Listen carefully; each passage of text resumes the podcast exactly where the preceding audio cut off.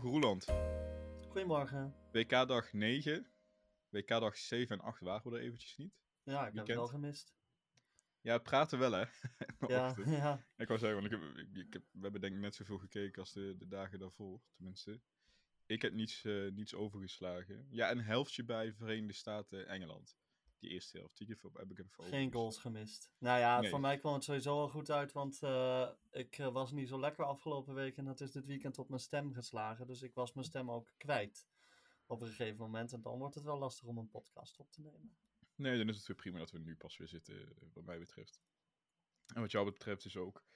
Laten we even beginnen bij speeldag 6, die van afgelopen vrijdag. Ja, we beginnen dus weer met het eh, voetbalgedeelte. Ja, we komen nog wel even bij iets anders terecht. Ja. Groetjes aan de KNVB. Maar dat komt later. eh, Dat deze komt aflevering even aan pas. Ehm, vrijdag werd er om 11 uur geopend door Wales en Iran. En dat was, als ik dit hele weekend terug ga kijken en ik reken vrijdag even tot een weekenddag, de allerleukste wedstrijd ertussenuit Ja. qua gevoel. En niet zozeer qua voetbal, hè, want dat was het absoluut niet. Dat was echt gewoon niet goed. Maar qua gevoel was dat echt de allerleukste wedstrijd. Ik heb op het puntje van mijn stoel gezeten. Wedstrijd waar ik vooraf echt heel weinig eh, van verwachtte. Eh, zoals eigenlijk wel voor bijna al die 11 uur wedstrijden geldt. Ehm, en meestal komt dat helaas ook uit. Maar dit was toch een eh, meeslepend drama wat zich daar voltrok. in het voordeel van de ploeg die het verdiende te winnen. Want Wales was echt niet om aan te zien in de tweede helft echt diep bedroevend hoe zij stonden te spelen. En eh, ja, dat Iran het dan bewaart tot de allerlaatste minuten van de blessuretijd. Ja. ja. dat is dan alleen maar extra mooi. Ze hadden het veel eerder kunnen beslissen. Maar eh, ja, het was schitterend. Echt prachtig. Ik had ook wel iets meer verwacht van Wales. Eh, ze starten met Moore. Hè, jouw favoriet van Ja, de wedstrijd. Terwijl jij zei, favoriet, ja, ik vond Wales waardeloos totdat Moore erin kwam. En je zag waarom Ja. hij erin moest staan. Nou ja, alsof de, alsof de coach van Wales je gehoord had. Want dat, dat stond hij ook. Dus ik had zoiets van, oké. die gaan niet wel proberen te halen. Logisch, want je staat een WK. Maar die gaan, die gaan wel het initiatief nemen tegen dit Iran. Ook Ja, omdat dat ze de wedstrijd tegen Engeland hebben gezien. Eh, die toen in eh 5-2, 6-2 eindigde. Ja, dan, dan verwacht je heel veel van Wales. En dat kwam in de eerste helft eigenlijk al niet tot uiting. In die tweede helft was het gewoon helemaal niets. Het was echt zo slecht. Het was eh, Costa Rica tegen Spanje niveau. Eh, en dan dus het Costa Rica gedeelte voor de duidelijkheid. eh, wat, wat Wales betrof. En eh, Iran was natuurlijk ook niet, speelde natuurlijk ook niet de sterren van de hemel. Maar ze bleven aandringen, ze bleven het proberen. En op een gegeven moment lagen denk ik de kaarten zo dat het gewoon niet anders kon. Al helemaal toen Hennessy die rode kaart kreeg. eh, dat Iran wel met drie punten van dat veld af moest stappen. En dat gebeurde dus ook. Ja, ik had wel... Je had heel erg het gevoel, oké, dit moet en gaat de kant van Iran opvallen. Maar hoe verder je dan tegen die 90 minuten aankomt... en je weet op dit WK, er gaan nog heel wat minuten bij komen. Dat is uiteindelijk de redding voor Iran in dit geval. En eindelijk betaalt het zich ook uit, zoveel extra tijd. Maar je zit na die 90 minuten door te... Of, ja, daar tegenaan te werken, als het ware. Ehm, en dan wordt Asmoen ook nog gewisseld. Die is geblesseerd. Veruit de gevaarlijkste man op het veld. Ja, En toen dacht ik, hmm, dit is einde verhaal. Dit blijft gewoon 0-0. Toen moest wel nog die rode kaart natuurlijk voor Hennessy vallen. En dan eh, vallen nog een keer een paar keer de kaarten richting Iran. En dat komt zo goed uit en terecht. ja, nou ja, dat gebeurt wel vaak. Ik ben blij dat het niet gebeurd is deze keer. Het, eh, ik gun het Iran ook heel erg als land. Ehm, wat natuurlijk in eh, een tumultueuze fase van zijn geschiedenis zit. En ehm, ja, eh, Wales hoort eigenlijk gewoon niet thuis op dit WK. Dat is helaas voor hun wel gebleken. Ik vond het trouwens belachelijk dat er, dat er een VAR nodig was voor die rode kaart. Ja, dat is ook belachelijk. Maar Ja. we hebben wel meer van die belachelijke beslissingen gezien toch dit weekend. Qua Ja, zeker. kaarten, qua penalties, eh, arbitrale dwalingen kun je het wel noemen.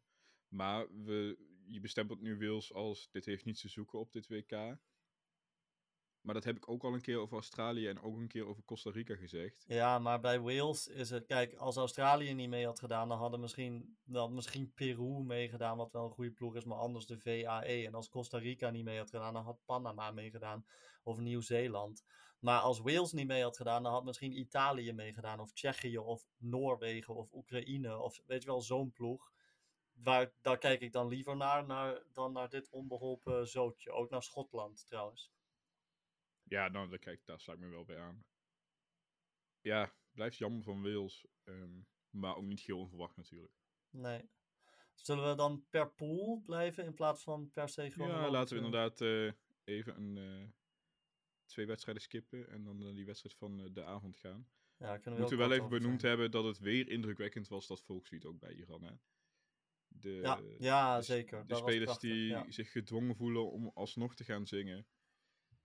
Die misschien, ik weet niet, ik vraag me dat heel erg af. Ik weet niet of, of dat achteraf nog gevraagd is aan een van die spelers. Of zij op de hoogte waren dat de oud-captain van Iran opgepakt was.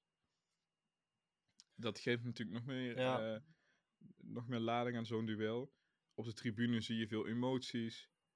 Je ziet ook voorstanders van het hele regime. Maar je ziet ook tegenstanders met protestvlaggen en dergelijke. Die weer aangepakt worden door beveiliging met oortjes in. Het was 19, ja, nou ja, 100 minuten lang. Heel bizar ook wel een beetje om naar te kijken. En je ziet dat dan niet live, maar je weet wel dat dat op dat moment gebeurt. Want je ziet dat voorbij komen op social media. Ja, nogmaals, het was prachtig. En ik hoop dat ze doorgaan. Hebben aan Ja. een gelijkspel genoeg, volgens mij. Ik vind ook weinig zo mooi, moois als je tweede goal, na die eerste ook al in blessuretijd hebben gescoord, die tweede ook nog. Hè, dat, die zo'n uitbraak en dan met zo'n, hij doet het Ja, uiteindelijk met een stiftje. En dan nog een keer, die, die vreugde heb je al een keer gehad, en dan nog een keer. En dan zie je Wils echt door de knieën zakken Ja. en die weten, dit is klaar. was niet Dat- de enige wedstrijd waarbij dat gebeurde, maar daar komen we dus nog op. Ja, dat vind ik, dat, dat vind ik wel, eh, dat, ja, dat, dat vind ik echt heel, heel mooi altijd. eh. nog nog zo'n extra goal in blessuretijd. Goed, dan gaan we naar 8 uur eh, van de vrijdag. Ja, volgens mij hoeven we daar niet te veel over te zeggen. Nee, nee, Engeland, Verenigde Staten 0-0. Er vielen me een aantal spelers in positieve zin op, maar trap jij lekker af. Ehm, nou ja, er vielen mij ook een aantal spelers in negatieve zin op. Ehm, maar ja, het, ik vond het eigenlijk ook niet een wedstrijd waarin iedereen nou zo heel slecht aan het spelen was. Maar wel een wedstrijd waarin de sterkhouders bij beide ploegen, maar vooral bij Engeland, eh, moeite hadden om, om hun stempel te drukken op de wedstrijd. En dan heb ik het met name over Bellingham en over Kane. Ehm, die, ehm, eh, nou, de Engelse media waren zeker niet lovend over hoe Kane speelde. Ehm, ze maken zich ook een beetje zorgen over dat hij toch wat weinig aanwezig is in het spel. En ja, als dat zo is, eh, dan wordt het tegen de Verenigde Staten wel moeilijk om doelpunten te scoren. En dan is 0-0 een heel logisch resultaat, waar de VS ook volkomen recht op hebben, als je het mij vraagt. Ja, maar ik ga er wel een beetje vanuit dat morgen, morgenavond spelen ze. Dat dan ook veel Foden op het veld gaat staan. Nou, daar wordt om geschreeuwd. Terecht, vind ik. En ik ga er wel een beetje vanuit dat veel Foden morgen gaat spelen. Ja, maar dan moet hij het wel een keer ook in het shirt van de Three Lions Ja, laten zien. ja, dat is natuurlijk wel weer een ding inderdaad. Dat heeft hij niet heel vaak eh, gedaan. Maar goed, dat is... eh, dat is dat was die wedstrijd, lijkt mij zo. Ja, de- ik wil eventjes maar noemen, eh, weer een 19-jarige speler die er uitsprong.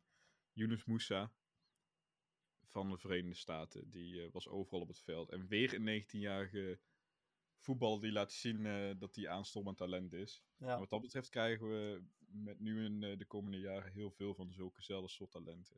Allemaal een beetje rond het middenveld. Kunnen het hele veld eh, bezetten. Ja, Ja, in elke pool zie je, dat is, dat is inderdaad leuk om te zien. Eh, je noemde het al, het WK van de jonge spelers, volgens mij. Nou ja, dat, dat is wel ehm, ja. eh, iets wat, ik, eh, wat mij ook heel erg is opgevallen dit weekend. Ja, deze, deze jongen die sluit zich echt aan in dat rijtje van... Oké, Bellingham speelt een slechtere wedstrijd, maar die staat evengoed nog wel op dat lijstje. Samen met Musiala, Pedri, Gavi. Ehm, en natuurlijk Pedri en Gavi waren er al, en Bellingham ook, en Musiala ook. Maar toch, Ja, wat ze nu op dit WK zien op het, eh, op het grote strijdtoneel met zoveel druk en publiek. Nou hebben dat in ze dat die, echt oh, kunnen. nou hebben in die pool ehm, Engeland en Iran de beste papieren om door te gaan. Verwacht je ook dat dat de twee landen zijn die daar ook in gaan slagen? Nee, ik denk wel dat, eh, dat de Verenigde Staten dit nog gaan redden tegen Iran, helaas. Dat wordt een interessante wedstrijd. eh. Ja, ik zeg wel helaas, ik Iran vind het wel even- gelu- genoeg heeft aan een gelijk spel. Dus Ja, maar ik heb niet het idee dat Iran daar heel goed op kan spelen of zo. Dus ja, dat moet ik ook nog wel zien hoor. Ja, en ik denk wel dat Engeland het gewoon, eh, ja, die redden dat wel. En dan denk ik dat eh, de Verenigde Staten zich daarbij aansluiten. Ik weet dan niet hoe het eruit ziet qua 1-2, maar ik ga een beetje door het doelsaldo ervan uit dat Engeland dat dan redt. Ehm, ja, dus dan wordt het eh, voor Engeland aantreden tegen de nummer 2 van de pool die nu aan bod komt. Ja, Dat was namelijk de wedstrijd om 2 uur op vrijdag. Qatar-Senegal. Ja. Die Ja, wedstrijd ging eigenlijk precies zoals ik had verwacht dat die zou gaan. Precies. Ik, ik Vrij overtuigende overwinning voor Senegal met wel een wat sterkere fase van Qatar en een doelpunt voor Qatar. Wat natuurlijk voor hun heel leuk is er doorheen, maar duidelijk de mindere ploeg in deze groep. En ook logisch dat ze uitgeschakeld zijn. Ja, Senegal gewoon verdient, eh, absoluut verdient gewonnen die wedstrijd. Ja, zeker. Niets op aan te merken. En benieuwd naar, toch wel heel erg benieuwd naar Senegal-Ecuador. Want Ja, Senegal is me absoluut niet tegengevallen. En Ecuador komen nu op. Die verrassen mij. En misschien is dat dan gewoon een slechte voorbereiding van ons geweest. Ehm, maar ik had dit niet verwacht van dit Ecuador. Nee, ik had niet verwacht dat ze tegen Nederland gelijk zouden spelen. Ik heb wel gedacht dat het een goede ploeg was, al vanaf het begin. Ja, maar toch wel. een beetje zoals Canada, op de manier dat ze eigenlijk nu vooral van de ervaring zouden moeten genieten en dan over vier jaar echt een deep run zouden kunnen maken. Maar Ecuador staat nu eigenlijk al op eh, eh, met een half been in de achtste finales. Ze hebben aan een punt genoeg tegen Senegal in de laatste ronde. En eh, ik denk dat dat wel moet lukken. Nou ja, als die spelers die tegen Nederland weer zo in vorm zijn als, als dat ze straks tegen Senegal dan misschien gaan zijn, ja, dan ga je het redden. Ja. Want zij, zij verdienen het eigenlijk wat mij betreft om te winnen van Nederland. Dus ja, zeker. Ik ben me kapot geschrokken van die wedstrijd. Eh, Nederland-Ecuador. Want Nederland was echt zo slecht. Maar ja, dat was ook wel de verdienste van, eh, van Ecuador. En Ja. toch wel, ja, het is heel pijnlijk om te zeggen. Want ik geloof heel erg in Louis van Gaal als de beste coach van dit WK. Maar Van Gaal is toch eigenlijk gewoon tactisch afgetroefd eh, in deze wedstrijd. Eigenlijk net als dat Frank de Boer op het EK werd afgetroefd door Jaroslav Stilhavi. Ecuador was gewoon perfect neergezet om met Nederland te dealen. Ja, ik van, van tevoren zei van, nou, ik ben heel blij als ze zich aan ons gaan spiegelen. Want dan weet ik dat wij dat beter uit kunnen voeren. Dat gebeurt en vervolgens voert Ecuador dat tien keer, zo, tien keer beter uit dan Nederland. En dat is, Ja, dat dat is helemaal tekens voor die wedstrijd. Je, je komt nog op, eh, de- op 1-0 via Gakpo in die eh, zesde minuut. Toen dacht ik, oké, nou het wordt dus zo'n wedstrijd. Dan heb je het idee, dit blijft Ja, gewoon heel lang 1-0. Dat dachten we En dan. Ja. schiet je in de 60ste minuut de 2-0 nog een keer in via een middenvelder. En dan is dat klaar. En dan heb je niet zo'n hele lastige wedstrijd. Maar dan kom je tot aan die 35ste minuut ongeveer. En dan zie je dat kantelen. Dan wordt er nog gescoord aan het eind van de eerste helft. Die goal die afgekeurd wordt. Vanwege eh buitenspel. Hinderlijk buitenspel. Wel mee eens trouwens. Ik ook. Estepignan scoort die goal. De beste man van het veld trouwens, hè? Die speelde echt weergaloos. Ja, Sowieso natuurlijk. Echt wel een van de grotere namen bij Ecuador, maar hij, eh, eh, hij, maakte, zorgde er wel voor dat het niet alleen maar de Enner Valencia show was deze keer. Nee, samen met uh, ook nog. Ja, die, die lieten echt zien eh, wat er in een, eh, in een mas zit en eh, ligt. En, en dat, die, die gaan gewoon toch een transfer maken straks. misschien al in de winter. En anders te- straks na dit seizoen, die, die kunnen hogerop. Ik denk dat er wat dat betreft veel van die wedstrijd tegen Senegal afhangt. Ja, daar heb je misschien ook wel een punt. Ja. Dat nou, als wat zij dat extra motivatie wordt er. Ja, dat denk ik ook wel. Aan de kant van Nederland vond ik dan AK eh, echt nog wel, eh, wel goed. En misschien, ja, dat klinkt wat raar om te zeggen, maar Frenkie de Jong was ook eigenlijk best wel goed. Vooral in de eerste helft. Ja, maar die mist dat, je ziet, dat mist gewoon totaal, en dat heeft alles en iedereen al gezegd. Hij mist gewoon de afspeelmogelijkheden. Ja. Die heeft hij gewoon niet. Wat vind je trouwens van het hele ding eh, Memphis in de tweede helft in laten vallen en dat vooraf aankondigen?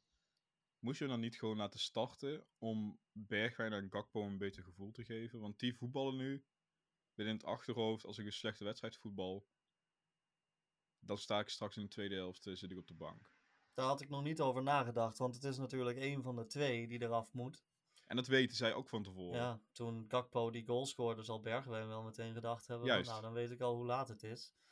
Ehm, Zo werkt het. Zo lijkt Ja, mij het wel werken. Ik, weet, ik ben geen voetballer. En dus ik ken niet helemaal die gedachtegang. Maar dat, jij valt het nu perfect samen. Bergwijn ziet vanaf die zesde minuut. En die moet er nog 40. Ziet hij. Ja, dat, die, die, ziet, die ziet de wissel al vol zich. Dat gebeurt uiteindelijk ook. nou ja, los van die hele kwestie en los van het feit dat Memphis echt heel slecht inviel. Ehm, ik, al- ik vind als Memphis fit genoeg is om te spelen, dan moet hij eigenlijk gewoon in de basis staan. Want daar, eh, ja, zo belangrijk is hij voor het Nederlands elftal. Dus, ja, ehm, dus, dat- dus ja, dan ook wel een start beetje je. En dan zeg je, nou dan voetbal je tot die tweede helft of een deel in de tweede helft. En dan is het niet zozeer of je slecht bent of niet, maar dan gaan we je gewoon uit volzorg wisselen. En dan komt dan Bergwijn of Gakpo erin. En dan is dat voor die jongens toch ook veel prettiger voetballen. Dan wanneer je in het achterhoofd eh, dat hebt zitten wat ik net al benoemde. Ja, dat lijkt me wel. Vond ik wat dat betreft een, eh, een vreemde beslissing.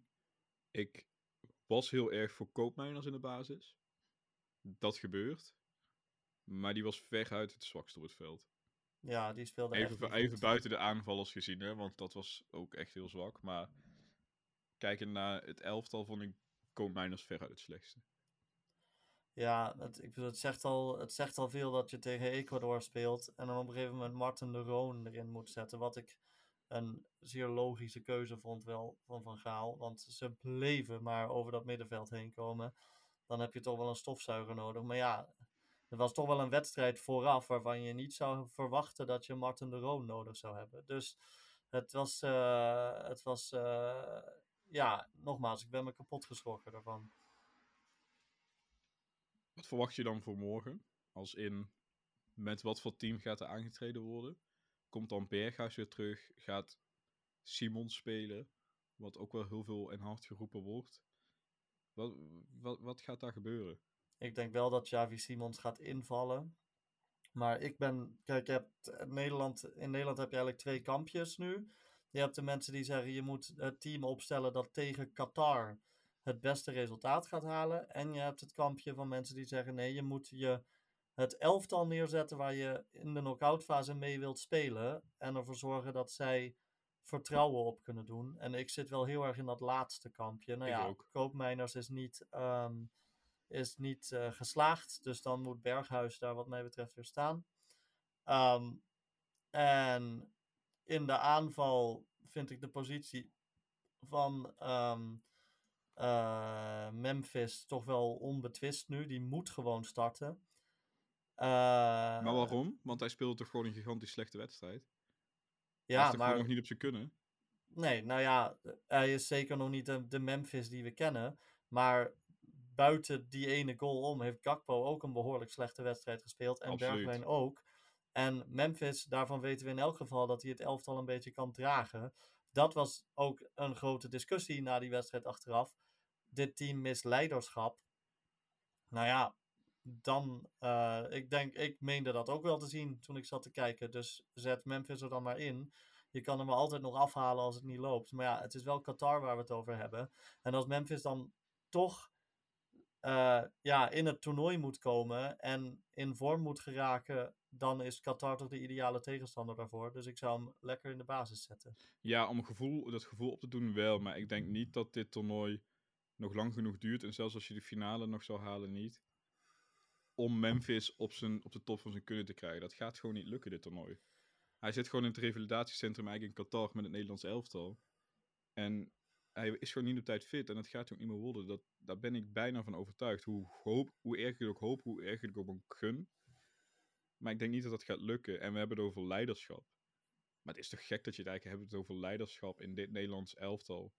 Met een altijd coachende Van Dijk achterin. Met Ake met de nodige ervaring achterin. Met Blind met de nodige ervaring achterin. Hè? Ja. Klaassen stond op het veld. Die is inmiddels ook al 30 of 31.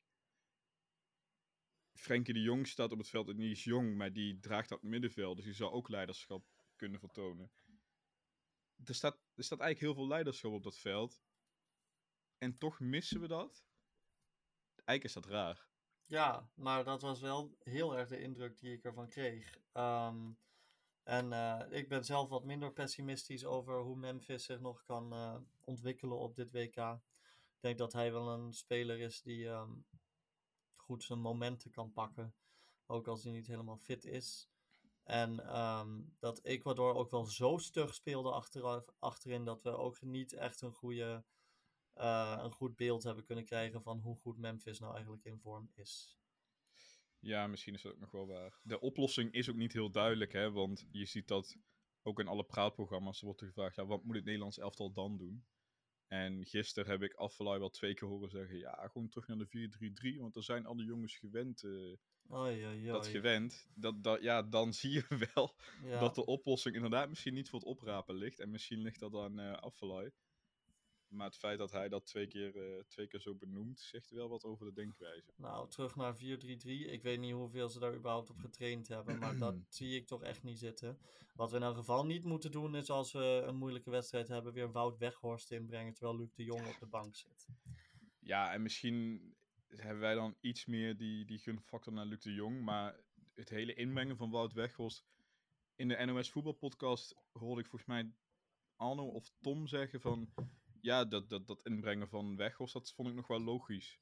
Dat snapte ik wel. Maar ik snapte het niet, want Weghorst heeft drie balcontacten gehad. En die waren alle drie rond de middenlijn. En verder heeft hij geen bal aangeraakt. Ja, ja het is, is nee, absoluut geen logische wissel. Ik ben nog steeds wel um, ervan overtuigd dat dit een incident kan zijn geweest tegen Ecuador. Maar ik denk ook wel dat Ecuador aan toekomstige tegenstanders van het Nederlands elftal heeft laten zien dat ze tactisch best wel kwetsbaar zijn. Dus dat baart zorgen. Maar we komen echt wel door die pool en ook wel als nummer 1, denk ik. Ja, ik ben er iets minder uh, zeker van. Jij was ook vrij nog zeker van, dit, dit win je wel van uh, Ecuador. Ja, nee, dat neem ik ook meteen terug. Op en, uh, en terecht van, hoor, ik bedoel, ja. dat, dat, dat is helemaal niet zo'n hele gekke reactie. Maar om er maar ook gelijk vanuit te gaan dat je Qatar dadelijk gewoon even simpel van de man afspeelt. Hmm. Nou, we hoeven, niet, we hoeven ze niet simpel van de mat af te spelen. We moeten gewoon winnen. En ik acht Senegal ja. nog wel in staat om Ecuador om niet met 3-0 of zo de boot in te gaan. Nou, ik klop even meteen af.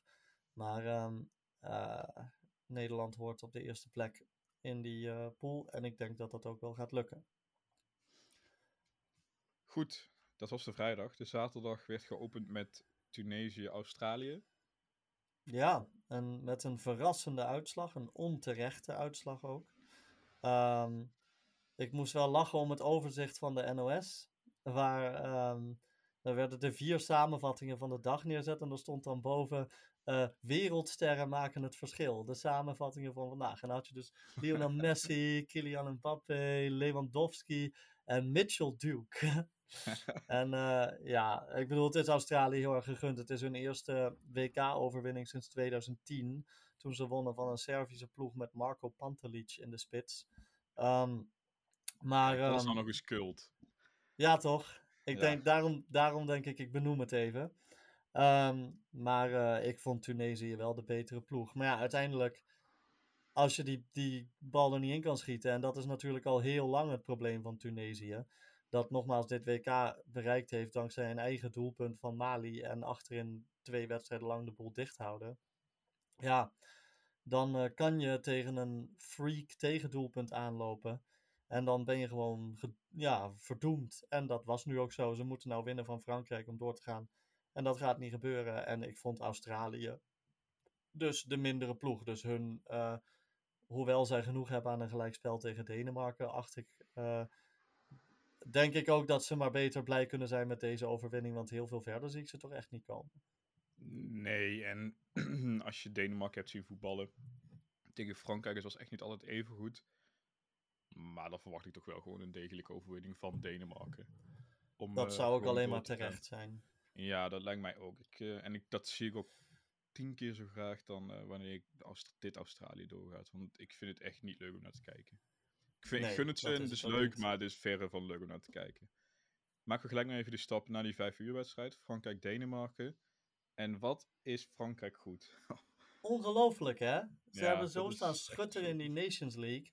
Ja. Ik dacht van, nou, ze zijn wel, wel een titelkandidaat, maar dan zullen ze wel even op gang moeten komen. En zelfs toen ze wereldkampioen werden, toen waren ze in de poolfase ook eigenlijk heel flats. Um, dus ik had zeker niet verwacht dat Frankrijk de pannen van het dak zou spelen in die eerste twee wedstrijden.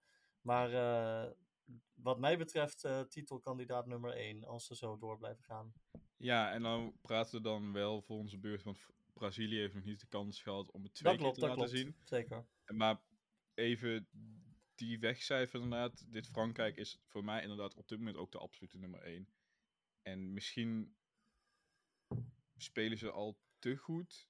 In die zin, je moet het misschien wat langzamer opbouwen. Dat klinkt wat raar. Maar dat is altijd wel een beetje de. Hardlopers de zijn vaak doodlopers op dit soort toernooien. Nou ja, dan omschrijf je denk ik het allerbeste. Dus misschien is dat nog een gevaar. Maar ze hebben echt alles en iedereen zand in de ogen gegooid. Dit, dit, dit kalenderjaar. Ja. Want je verwacht er eigenlijk helemaal niets van. Je verwacht een implosie. En dat blijft uit. Je ziet plezier in die spelersgroep. Ik zie een. Ja, ja moet je Mbappé nog noemen als weergaloos. Maar ik zie ook een weergaloze Griezmann. Ja, goed. Die is echt, ja, de, voor mij tot nu toe de speler van het toernooi hoor. Griezmann is eigenlijk in één persoon wat wij bij Nederland van het hele middenveld zouden willen zien. In elk geval in aanvallende situaties. Ja, ik hoor Henk Spaan hem uh, Liedmanen noemen op die 10. En je vraagt je af waarom hij daar niet gewoon altijd maar gaat spelen, ook bij club, bij uh, Atletico. Nou ja, daar moet je niet te veel van wachten qua uh, ja. heel aanvallende leuke voetbal. En dat is niet erg, want zo mag je spelen. Dat, dat vind ik ook nog steeds. Maar ja, ik ben echt zwaar onder de indruk ook van Griezmann. Dat had ik niet verwacht. Chouameni. De, als je wereldkampioen wordt, dan, dan heb je het ook gewoon deels aan hem te danken. Die hij vult die schoenen van Kante gewoon. Doet ja, alsof, alsof, alsof hij er altijd al staat. Ja, echt zo goed. Uh, ik zag ook wat stats van hem. Uh, iets van bijna 66 van zijn 67 passes tot nu toe kwamen aan veel onderschep, balonderscheppingen. Ja, echt gewoon weergaloos hoe die op het veld staat. Ja, en, dan heb ik, je... ik ben dus onder de indruk, jij benoemde het al, van gewoon de teamgeest die ervan afstraalt. Ook bijvoorbeeld tussen Mbappé en Giroud, wat toch niet altijd helemaal lekker geboterd heeft. Kijk, Frankrijk is op sommige eindtoernooien altijd een beetje een probleemploeg omdat ze, vergeef me de woordspelingen, uh, last hebben van haantjesgedrag. Omdat er hier en daar een enfant terrible tussen loopt. Dat is nu nog steeds wel het geval. Maar dat, dat speelt ze geen parten deze keer. En ze halen het maximale uit zichzelf. Misschien zelfs nog niet eens het maximale. Die kampioenenvloek is bezworen. En wat mij betreft, uh, als ze zo doorgaan, stoten ze door naar de, in elk geval naar de finale. Ja, het is natuurlijk een beetje afhankelijk van hoe gaan de rest van die pools eindigen. En tegen wie kom je dan straks uit en welke kant kom je? Nou ja, ze komen aan die rechterkant. Dat is in eerste instantie de gunstige kant. Maar als uh, Argentinië tweede wordt, dan kom je in de achtste finale gelijk tegen Argentinië uit. Waar en hebben we dat Argentinië... gezien? Oh, ja, niet zo heel lang geleden. Maar dan, um... ja, dan ben je absoluut, absoluut nog steeds favoriet trouwens, hoor, want Argentinië is alles behalve indrukwekkend. Maar dan krijg je wel gelijk met een tegenstander van formaat te maken. En als je die dan ook nog gewoon weet te winnen, ja, dan, uh, dan, dan word je wereldkampioen. Zullen we dan meteen naar die pool doorgaan? Ik, zodat we niet te lang blijven hangen? Zeker. Um, ik wilde nog één ding meer noemen en dat is Dembele. Ik, Mooi om de te bliksemafleider voor Mbappé. Mooi om te zien als hij gewoon een tijdje langer fit is, dat het dan toch wel echt die speler is waarvan mensen al jarenlang roepen dat hij het is. Ja, dus dat is hem helemaal goed.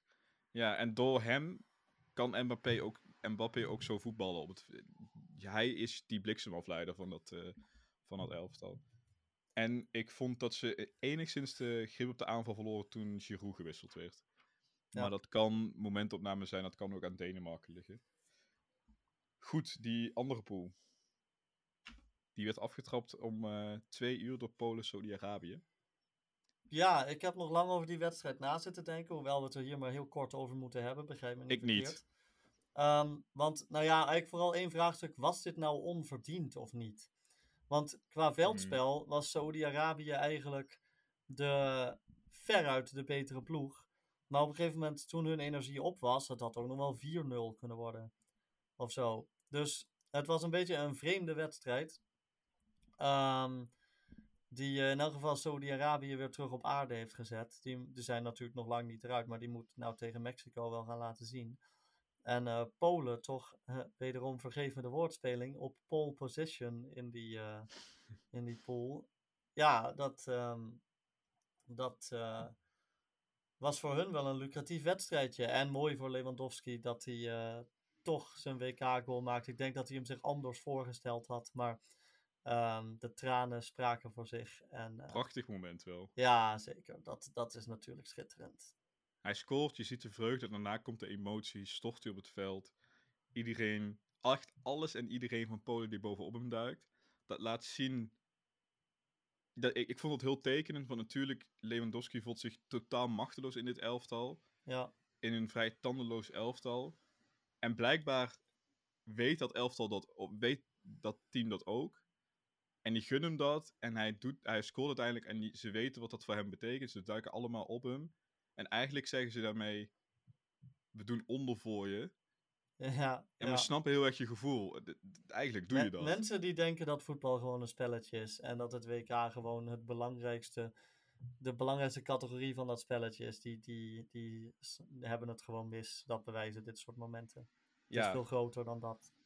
ja, dus denk, ja, dat is de kroon op je, op je carrière. En scoren op een WK, de, scoren voor je land op zo'n groot eindtoernooi. Dat is waar je uiteindelijk van droomt eh, als voetballer zijnde. Lijkt Goed. mij, en dat, dat, dat, wel- dat liet het ook wel zien. Ja, ik hoop ook Saudi-Arabië dat ze nog een vuist kunnen maken tegen Mexico. Anders moeten ze die horloges weer inleveren, ben ik bang. Ja, dat vrees ik En ook. dat gun ik ze ook niet. Die wedstrijd eh, zes uurtjes later, om acht uur, Argentinië-Mexico. Wat- vond, jij, Traditiegetrouw verloren door Mexico. vond jij dit een leuke wedstrijd? Of zeg je nou, ik kijk toch liever naar ander voetbal? Ehm, ik vond het eh, geen leuke wedstrijd. Ik vond het wel een boeiende wedstrijd, eh, omdat het zo'n nou, gevecht was. Als er twee Latijns-Amerikaanse ploegen tegenover elkaar staan, dan verwacht je wel een beetje grinta en, en schwalbes en eh, overtredingen. En dat gebeurde ook wel. Nou, Grinta kreeg je inderdaad. Ja, en uiteindelijk een terechte winnaar, als je het mij vraagt. En Mexico moet zich wel zorgen Ja. gaan maken. Nou ja, Mexico is wat mij betreft, eh, denk ik wel gewoon klaar. Er zit gewoon eh, niet genoeg in. Ik had het net over een tandeloos Polen. Nou ja, als de, Mexico is nog tandelozer. Ja, dat Ehm, leek Deze wedstrijd kreeg ook wel de ruimte om die, die grinta te hebben en dat schoppen en dergelijke. Door een goede scheidsrechter, vond ik. Die Wie geeft kaarten. ook alweer? Durf ik, ja, de goede vraag, dat durf ik eigenlijk niet zo goed te zeggen. Ga ik Volgens mij is dat, was dat eh, een redelijke kaartentrekker, eh, normaal gesproken. Maar. Ja. Ik hoor je scrollen inderdaad. ik ben Ja, benieuwd wie de scheidsrechter is. Eh, Ehm, de scheidsrechter was, ik heb hem nou toch al, eh, de Italiaan, Daniele Orsato. nou, kijk. Een eh, van de met beste hem- scheidsrechters ook.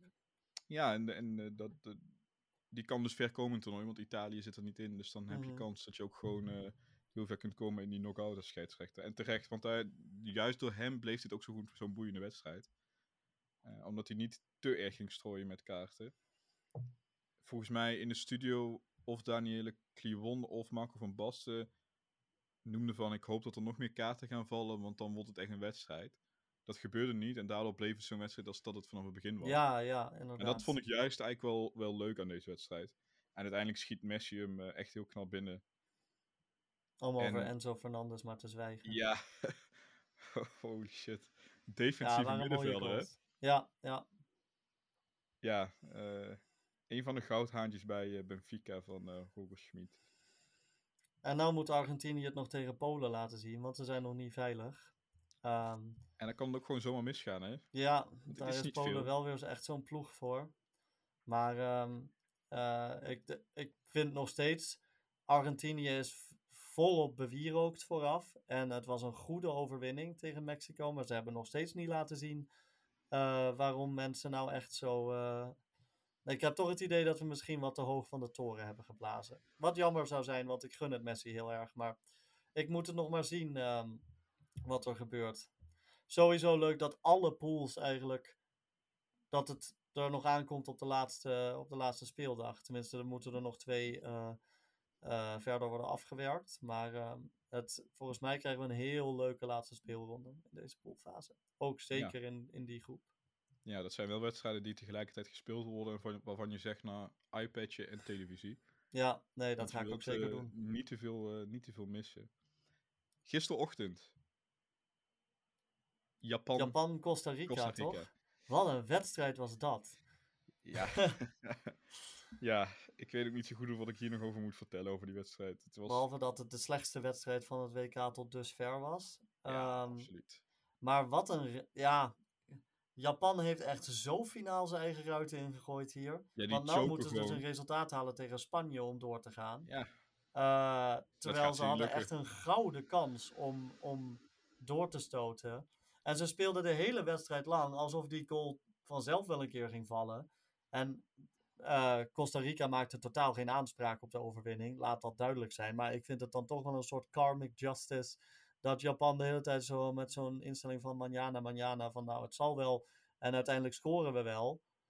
Dat dan dat doelpunt ook valt. Maar aan de andere kant, Costa Rica kon het zelf niet eens geloven. Volgens mij was het zijn eerste schot op doel van het hele WK. Slecht gekiept ook. Slecht verdedigd ook. En uh, ja, daar sta je dan met je, met je goede gedrag, Japan. Maar nu lijkt het toch uh, al naar de poolfase afgelopen te zijn. Maar waarom zou je überhaupt zo gaan voetballen als Japan zijn? Je kunt, je weet hoe zwak dit Costa Rica eigenlijk is. Dat werd ook de hele wedstrijd eigenlijk weer aangetoond, want die doen vrij weinig. Je, Kubo blijft de hele, volgens mij, ik weet niet of hij nog ingevallen is, maar volgens mij blijft hij de hele wedstrijd op de bank.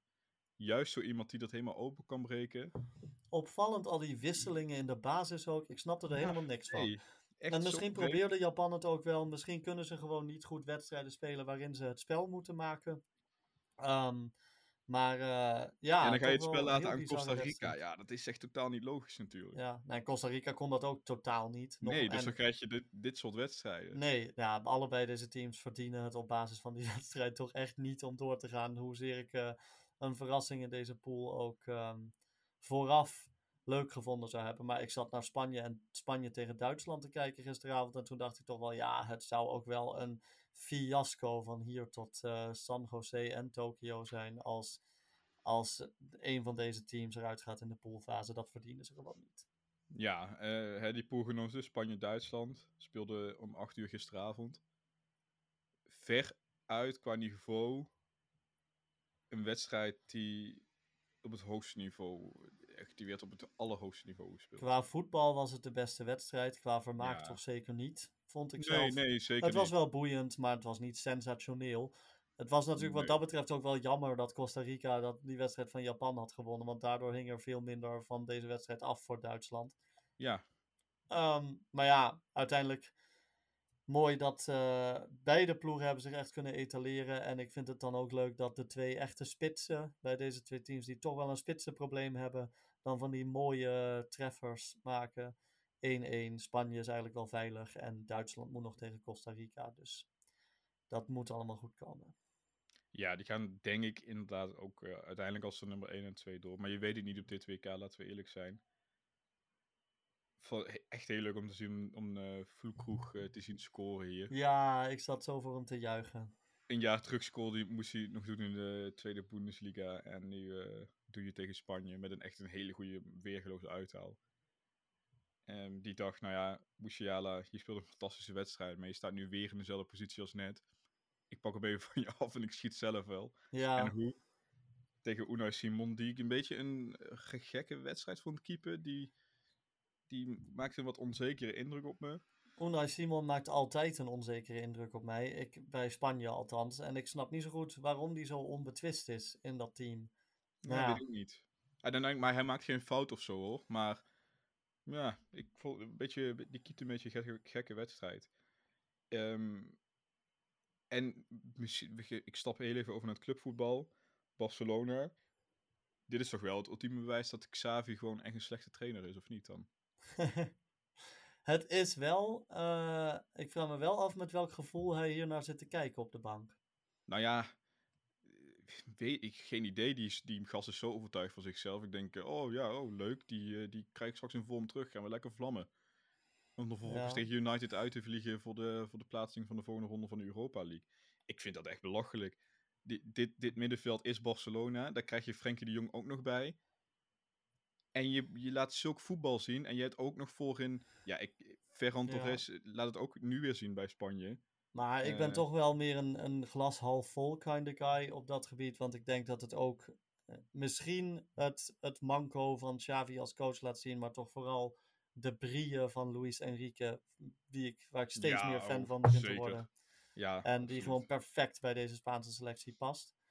Wat mij betreft maakt Spanje de verwachtingen die ik had, waar heel veel mensen nog vraagtekens bij zetten vooraf, toch wel eh, waar met hoe ze spelen tot dusver. En een Barcelona-fan kun je altijd tussen aanhalingstekens zetten. Want ik weet niet of er nou echt heel veel echte Barcelona-fans zijn. Of dat Ja, echt steeds die vakantiegangers blijft. Maar dan vreet, dan, denk, je- dan vreet je jezelf toch op. Dan denk je toch ook, ja... Enrique, ik wil je alsjeblieft je job gaan combineren en Ja, terugkomen. En Xavi wil je alsjeblieft gewoon wegwezen. Ik snap echt niet hoe je... Wat dit middenveld nu laat zien, hoe je dat eruit kunt halen bij Barcelona. En dat komt puur en alleen door Xavi. Maar goed, dat even mijn rant over eh hoe slecht ik Xavi als Het is eruit. We hebben nog Ja. één pool om het over te hebben volgens mij. Ja, en dat was, eh, die werd gistermiddag eh, helemaal afgespeeld. België-Marokko. Ik heb vooraf over deze pool gezegd dat het de leukste pool van allemaal was. En ik vind dat dat ook helemaal uitgekomen ja, is. dat komt helemaal uit. Ja, ik ehm, heb het voorspeld hè, in mijn pool vooraf dat Marokko zou winnen van België als enige. En, ik had ehm, hem ook eh, op 0-1, dus ik baal dat hij 0-2 nog viel. Maar goed. Ja, ik had precies hetzelfde. Maar ehm, dat maakt mij dan, dat is voor mij van secundair belang. Ehm, ik eh, heb dat helemaal voor het toernooi gedaan. En toen dacht ik wel van ja, maar wat weet ik nou eigenlijk over hoe België gaat aantreden? Maar toen zag ik hoe België tegen Canada speelde. En ik zag hoe Marokko tegen Kroatië speelde. En ik dacht, nou, dit Marokko gaat ook gewoon beter zijn. En een veldoverwicht hebben tegen België. En nou ja, ik juich natuurlijk altijd voor de, de Afrikaanse landen. Daar heb ik toch een, eh, een bepaalde voorliefde voor, voor, voor het Afrikaanse voetbal. Dus ik, had wel, ik heb wel een leuke, leuke middag gehad daarmee.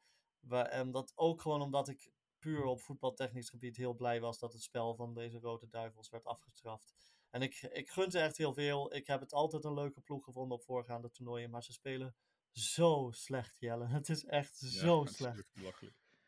Jij keek op de VRT, hè? Ja, ik heb, eh, ben uiteindelijk na 30 minuten naar de Belgische televisie geschakeld. jij Waar daar sowieso ook de de- tussenbeschouwingen beter zijn. Dikke tip, maar oké. Ja, oké, maar daar kun je dus een kanttekening bij plaatsen. Want ik las dus dat zij niet over hun lippen kregen dat dit gewoon twee fouten waren van Courtois.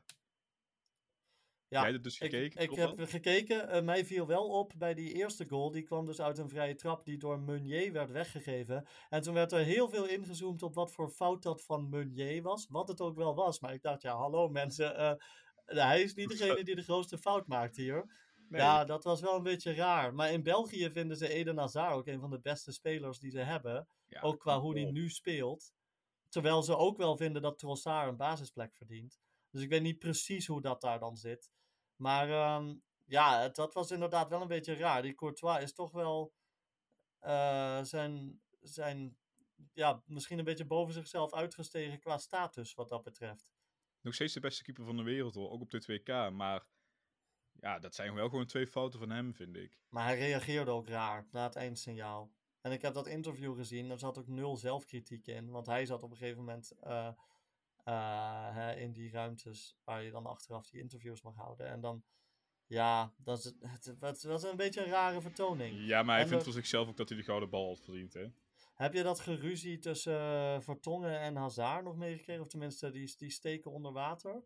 Nee. Afgelopen week heeft Hazard gezegd, die, op een persconferentie werd er gevraagd naar ehm, dat de verdediging niet zo snel is. En toen heeft Hazard dus gezegd, ja, en misschien is onze verdediging wel niet zo snel. Wat je natuurlijk, als je in die verdediging zit, eh, niet fijn vindt om te horen. Dus na de wedstrijd werd Vertongen geïnterviewd. En toen zei hij, ja, misschien zijn we gewoon te oud om eh, goed te kunnen aanvallen. Of zo, ja. En dan denk ik toch, dit, dit, dit is afgelopen, België. Sorry, maar maar was dat een slip of de tong? Da- ging hij daarna heel snel over naar iets anders? Of bleef hij hij ging wel heel snel over naar iets anders. Maar dat wil niet per se zeggen dat het een slip of the tongue was. Ja, nee, dat heb ik niet eh, meegekregen. en terecht hoor. Ja, Dit- dat dit- krijg je dus als je bij de VRT kijkt. Maar Dit, de titel van onze podcast vrijdag was... eh, misschien moet hij gewoon zijn bek... Hij moet gewoon zijn bek houden, toch? Dat ging over Hazard. Ja, Nou dat geldt misschien nog wel meer nu. ja, Maar, ja, maar, wat daar aan de ik, hand is. ik snap ook wel dat die jongen... Dat, want op een gegeven moment wordt op die persconferentie... wordt aan Hazard gevraagd of hij niet gewoon te dik is. Ja, ik vind dat echt zo respect... Ik, snap, ik vind dat Mhm. zo'n rare vraag, zo'n respectloze vraag. Dan snap ik ook wel dat je daar op een gegeven moment eh, een beetje klaar mee bent. En dat je het dan eh, op anderen gaat schuiven. Om het maar van jezelf af te duwen. En dat misschien ook wel een hele menselijke en natuurlijke reactie. Niet zo heel gek als je zo'n respectloze vraag krijgt. Maar we hebben het nu heel veel over België. Marokko was toch ook gewoon echt wel goed. Marokko was echt gewoon fantastisch. Beter dan ik nog had verwacht. In de eerste helft dacht ik nog van, oh, het zal toch niet. Maar toen ze eenmaal grip op de wedstrijd kregen, super goed gewisseld ook door Regragui. En, ehm, eh, nou ja, ik wist, het was wederom toen die 1-0 dan ook echt viel. Toen dacht ik ook van, ja, volgens mij gaan ze dit niet meer weggeven. Dat leek het. Nee, dat, dat, ik heb België weinig zien creëren. Misschien moeten we dat als Nederlanders niet zeggen. Maar dat was echt de verdienste van Marokko. En dat was de verdienste vooral misschien wel van één man. Die haalde in de eerste wedstrijd tegen Kroatië Modric totaal uit zijn spel. En nu haalde hij de Bruyne uit zijn spel. En ik heb hem toen ook al genoemd Amrabat. Ja, Die ja. we- speelde zichzelf met. Fiorentina al op de radar van de grote clubs. En die doet dat nu nogmaals. En die eh, gaat straks gewoon eh, vanuit Fiorentina nog een stapje hogerop maken. nog steeds na deze wedstrijd. We komen zo denk ik nog heel even op Kroatië-Canada, waar we niet zo heel veel over hoeven te zeggen.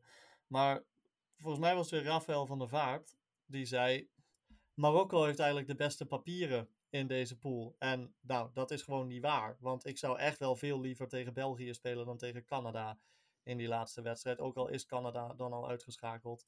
Maar ik zie geen enkel aanknopingspunt bij België. eh, waar, wat eh, mij hoop geeft voor hun. Al helemaal niet omdat de enige Belg die een dikke voldoende haalde bij mij, Amadou Onana, geschorst is voor die laatste wedstrijd. Ja, die in de eerste wedstrijd niet eens basis stond, hè? Die stond Nee, nu wel basis. Als Kroatië met 6-0 eh, wint van België straks. Ja, maar kijk, Kijk, Canada, Canada is nu uitgeschakeld. Ehm, wat, ik, wat ik jammer vind voor hun. Maar, eh, want ik vind dat ze aan de bal bewezen hebben dat ze echt wel mee kunnen met de rest van dit WK. Maar ik vond dat ze bij balbezit van de tegenstander wel af en toe heel amateuristisch eruit zagen. Dus Ja, als- dat in dat licht beschouwd, als je naar deze pool kijkt, zijn er toch twee landen die het dubbel en dwars verdienen om door te gaan uit deze groep. En twee landen die, die er gewoon geen aanspraak op maken. Nee, België gaat, eh, gaat het gewoon niet redden. Nee, dat denk ik ook niet. Kroatië gaat, was eh, echt heel goed weer tegen Canada. En daar gaan. Nou, die hoeven echt niet bang te zijn voor deze, voor deze Belgische ploeg. En wat mij betreft kunnen ze daar zelfs nog best wel groot van winnen. Als we dan heel fatalistisch willen doen. Dus ehm, ja, Canada, eh, Kroatië en Marokko door uit deze pool. Dat is het enige rechtvaardige resultaat wat er, wat er kan komen. Ja, ik hoop dat ook. En eh, ik had het de Belgen gegund, maar ja, daar zit gewoon niets meer in. Dit is echt, eh, dit is voorbij, zeg maar. en ehm, normaal zou je zeggen, die gouden generatie gaat met een nachtkaas uit. Maar dat is alles behalve een nachtkaas, als ik nee, jou zo hoor eh, over... eh, abrupt. ja. ja, en ook ehm, met het beetje de, het vechten onderling. Ik, zou ik had gehoopt dat alle trainingen openbaar zouden zijn van België. En dat ze gewoon een camera erop zetten. ja, toch? Want die, eh, ik denk dat die elkaar eh, vaak op de enkeltjes trappen. tijdens, eh, oefenpartijtjes. Ik wil alleen uit deze pool nog even de goal van Alfonso Davies belichten. Het heeft Canada helemaal niks opgeleverd uiteindelijk. En ze hebben terecht verloren van een uitstekende Kroatische ploeg. Maar het is toch wel heel mooi dat de eerste Canadese goal ooit dan ook uitgerekend door hem gemaakt wordt. Mooi doelpunt ook. En ehm, eh, nou, kijk, zij, zij, zij doen over vier jaar sowieso mee, want ze zijn een van de gastlanden. Dan kunnen ze echt wel ver komen, want als ze gaan sleutelen aan waar het aan ontbrak. Dus leuk dat ze meedoen. Ehm, en uh, nou ja, volgende keer beter dus. Ja, en dat komt omdat je natuurlijk ook. Je, je komt voor de tweede keer op zo'n WK, dus natuurlijk is dat enthousiasme er. Maar er zit gewoon heel veel energie in die ploeg. En dat, dat stralen ze echt uit. En dat is leuk om naar te kijken. Um, en dat kwam ze nog op de 0-1 te staan tegen Kroatië. En uiteindelijk verliezen ze daar met 4-1 van meer dan terecht. Want Kroatië begon vanaf het de tweede deel van die eerste helft gewoon echt heel goed te voetballen. En uh, lieten zien uh, dat zij ook gewoon best wel ver kunnen gaan komen in dit toernooi. Ja. En het absoluut nog niet verleerd zijn met Kramaric, waar we in de eerste, eerste wedstrijd kritisch op waren, alles en iedereen. Ja, die heeft zichzelf helemaal, uh, ze, heeft, ja. ze heeft zijn eer hersteld. Ja, en, en meer dan terecht. Ik bedoel, heeft het ook altijd laten zien bij Hoffenheim, laten we eerlijk zijn. Ja. Ongelooflijk dat hij daar eigenlijk altijd heeft gespeeld, want hij had net zo goed nog een stapje hoger op kunnen maken en daar als uh, super sub of iets dergelijks aan kunnen treden. Ja, fijn om hem te zo zien te voetballen. Quadiol, ik noem hem nog maar een keer. Die is goed, zo Ja, goed. die is zo goed. En als jij als uh, Kroatië zijn ook nog Magier, of zeg je Magier? Volgens mij is het Magier, ja. Ja, die uh, de 4-1 maakt in de 94e minuut. Die zal bij heel veel teams, inclusief Nederland, gewoon in de basis staan op het middenveld. Ja. Die kunnen ze inbrengen. Goeie voetballer goede kans dat we Kroatië-Duitsland krijgen in de achtste finales. Dat zou natuurlijk een fantastische wedstrijd zijn meteen. Het zou een fantastische wedstrijd zijn waarin ik uh, weer hoop op Musiala, maar waarin Kroatië, uh, wat mij betreft, uh, op dit moment gewoon gaat winnen hoor. Ja. Voordat we op, de, op het niet-voetbalstukje overschakelen, wil ik nog één ding benoemen waar ik mij aan erger tijdens dit WK. Namelijk de kwaliteit van afstandsschoten in het hedendaagse voetbal wordt er steeds minder. Ja, je mag eigenlijk steeds minder van afstand schieten. Uh, in hoe het voetbal nu gaat, uh, nu staat. En er wordt vooral getraind op combineren, combineren. Uiteindelijk is dat ook de essentie van het spel natuurlijk. Maar er zijn al best wel veel situaties geweest op dit WK dat een speler dacht.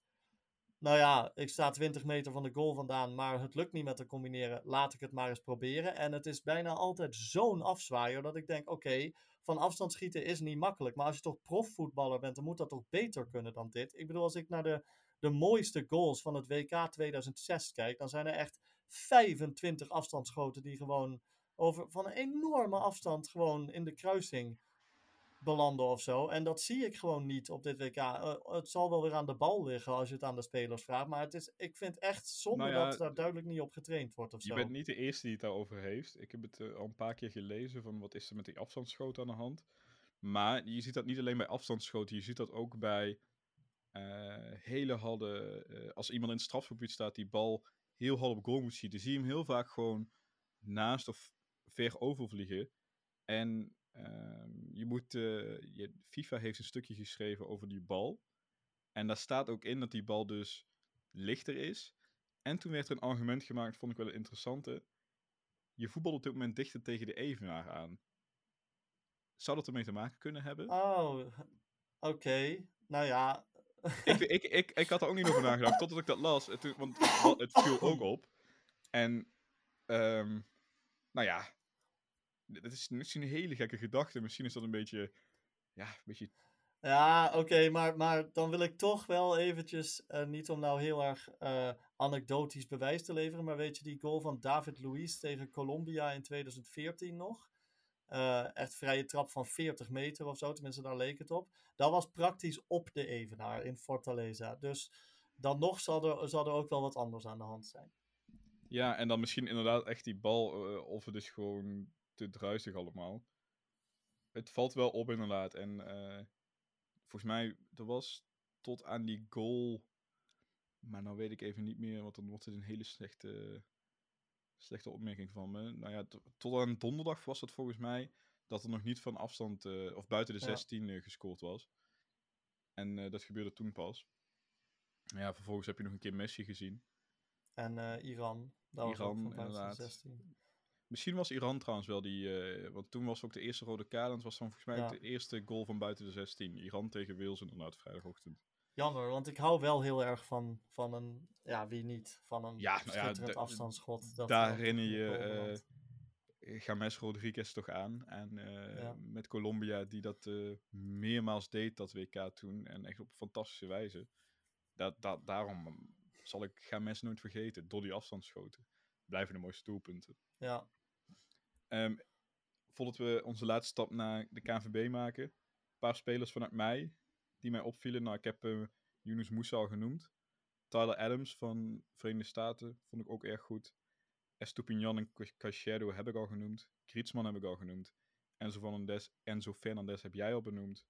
Amrabat heb ik genoemd. En als laatste wil ik toch weer even het hebben of even benoemd hebben. Musiala. Ik wist dat je Musiala ging zeggen. ja, ik kan er ja. Ja. Daar kun je, de, ja. wat, wat een voetballer. Dat, eh, dat, dat wordt echt nog eh Nou, als we 15 dan jaar toch, lang eh, genieten van, van die gozer. Bij als we dan toch. Duitsers een shout-out aan geven zijn, dan ehm, wil ik Leon Goretzka ook nog wel eventjes Ja. een pluim geven. Zal wel dat hij zich het elftal ingeklaagd heeft wat het vermoeden is in de pers. Maar ja, eh, hij bracht wel echt heel veel meteen. Eigenlijk precies wat ze niet hadden tegen Japan. Ja, je had op, op het laatste moment van die wedstrijd had je nog die tackle die hij daarin zet. Na echt nog een sprint, na al zo lang gevoetbald te Ja. hebben. En eh, ik, ik weet niet of jij, je zult het vast gezien hebben, Sergio Busquets die tegen hem aanloopt. Ja, dat zag ik. Ja, de Busquets toch naar de adem, want dat doet, die, dat doet Busquets wel vaker. Maar je ziet, Goretzka is een soort tank waar hij tegenaan loopt, want die beweegt niet, die kijkt niet eens naar beneden, die heeft dat waarschijnlijk niet eens gevoeld. Ja, Met zo'n body Ja, die die ook wel heel leuk hoe makkelijk daarop reageerde. Zo van, ja jongen, ik stond er echt bovenop, stel je niet zo aan, opstaan. Ja, ja, ja eh Goretzka inderdaad eh, mag een lans voor gebroken worden. Goed, laten we even gaan nog naar de slapste organisatie eh, van Nederland. En dan hebben we het niet over de overheid gehad. De nee, KNVB. het gaat over de KNVB in deze. Ja, Jezus, Mina. dit zijn toch de mensen die die One Love actie bedacht hebben. ja, En, en die ik bedoel, vervolgens in de schoenen van de spelers schuiven en nu zeggen we moeten die provoceren. Waar heb je het over, Gijs de Jong? Ja, het slaat zo nergens op. En het is toch ook wel gênant dat als wij de initiatiefnemers zijn en Duitsland en Denemarken en België en Wales en Engeland nemen het allemaal serieuzer dan wij. Dan denk ik van ja, waar zijn we helemaal mee bezig? Eh, want nu gaan ze dus met een One Love speld op de tribune zitten in plaats van die aanvoerdersband. En dan is dan de officiële lezing daarbij. Ja, het is misschien een minder glamoureus statement, maar het is wel, het maakt wel meer impact. Zonder uit te leggen hoezo dat in godsnaam meer impact zou maken. Dat maakt helemaal niet meer impact. Je wil gewoon, ja, ik weet eigenlijk niet wat ze willen. Willen ze die oliebelangen eh, waarborgen? Dat is, dat is Nou toch ja. niet waar de KNVB over zou moeten gaan? Je komt met een statement op het moment dat je tegen eh, Qatar gaat voetballen, dus naast al die sheiks en dergelijke zit. Dus je kon geen slechte moment kiezen om inderdaad... Nou ja, in die zin, als je niet wil provoceren, kun je geen slechte moment kiezen om iets te gaan doen. Dan had je het gewoon al eerder op de tribune moeten Ja. gaan doen tegen eh, Ecuador of Senegal. Dus qua moment, er is geen slechte moment. Dus dan provoceer je inderdaad. Maar dat is juist ook de bedoeling van die hele band. Ja, en dan gaat precies. de KNVB ook nog zeggen over Connie Helder. Ja, lijkt ons niet zo handig als je dat gaat dragen. Ja, wat de fuck bemoei je je mee? En waar heb je het over? Want je bent de initiatiefnemer van die hele band. Ze Jij saboteren verkoopt- zichzelf op een rare manier. Als Waarom? je naar de KNVB-shop gaat, dan kun je daar die band kopen. Ja, Ik, wil, ik dacht eerst nog ook, vind ik best tof om die te kopen. Ik zag eh, van de week eh, DJ St. Paul, die eh, deed een, eh, een gig in Tivoli. En de eerste 100 bezoekers kregen dan zo'n eh wandelband. Toen dacht ik, oké, eigenlijk best verder niet te hebben. Maar nu denk ik, ja, een deel van die opbrengst gaat natuurlijk gewoon naar de KNVB. ja. Ik haal hem liever bij een, een, een namaak eh, iemand of zo. Ik heb, ik heb echt geen zin om eh, mijn geld eh, naar de KNVB eh Nee, snap ik heel goed. En het, het werkt ook wel op een, op een verder niveau door, hè. Want we hebben nou opeens Louis van Gaal die zegt van... Ja, we moeten het eigenlijk niet meer over dit soort zaken hebben. Louis van Gaal.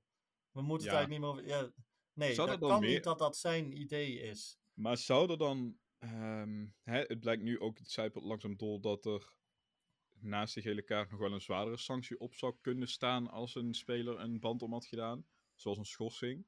Zou er ehm, meer spelen dan dit? Ehm, Dat de KNVB onder druk gezet wordt? Of Nou ja, het- volgens mij gaat het ook niet eens meer over of je die band wel of niet omdoet. Volgens mij is het een gesloten boek dat je dat gewoon niet moet doen. Maar België heeft in die eh, verboden trainingsshirts kunnen poseren met die aanvoerdersband om.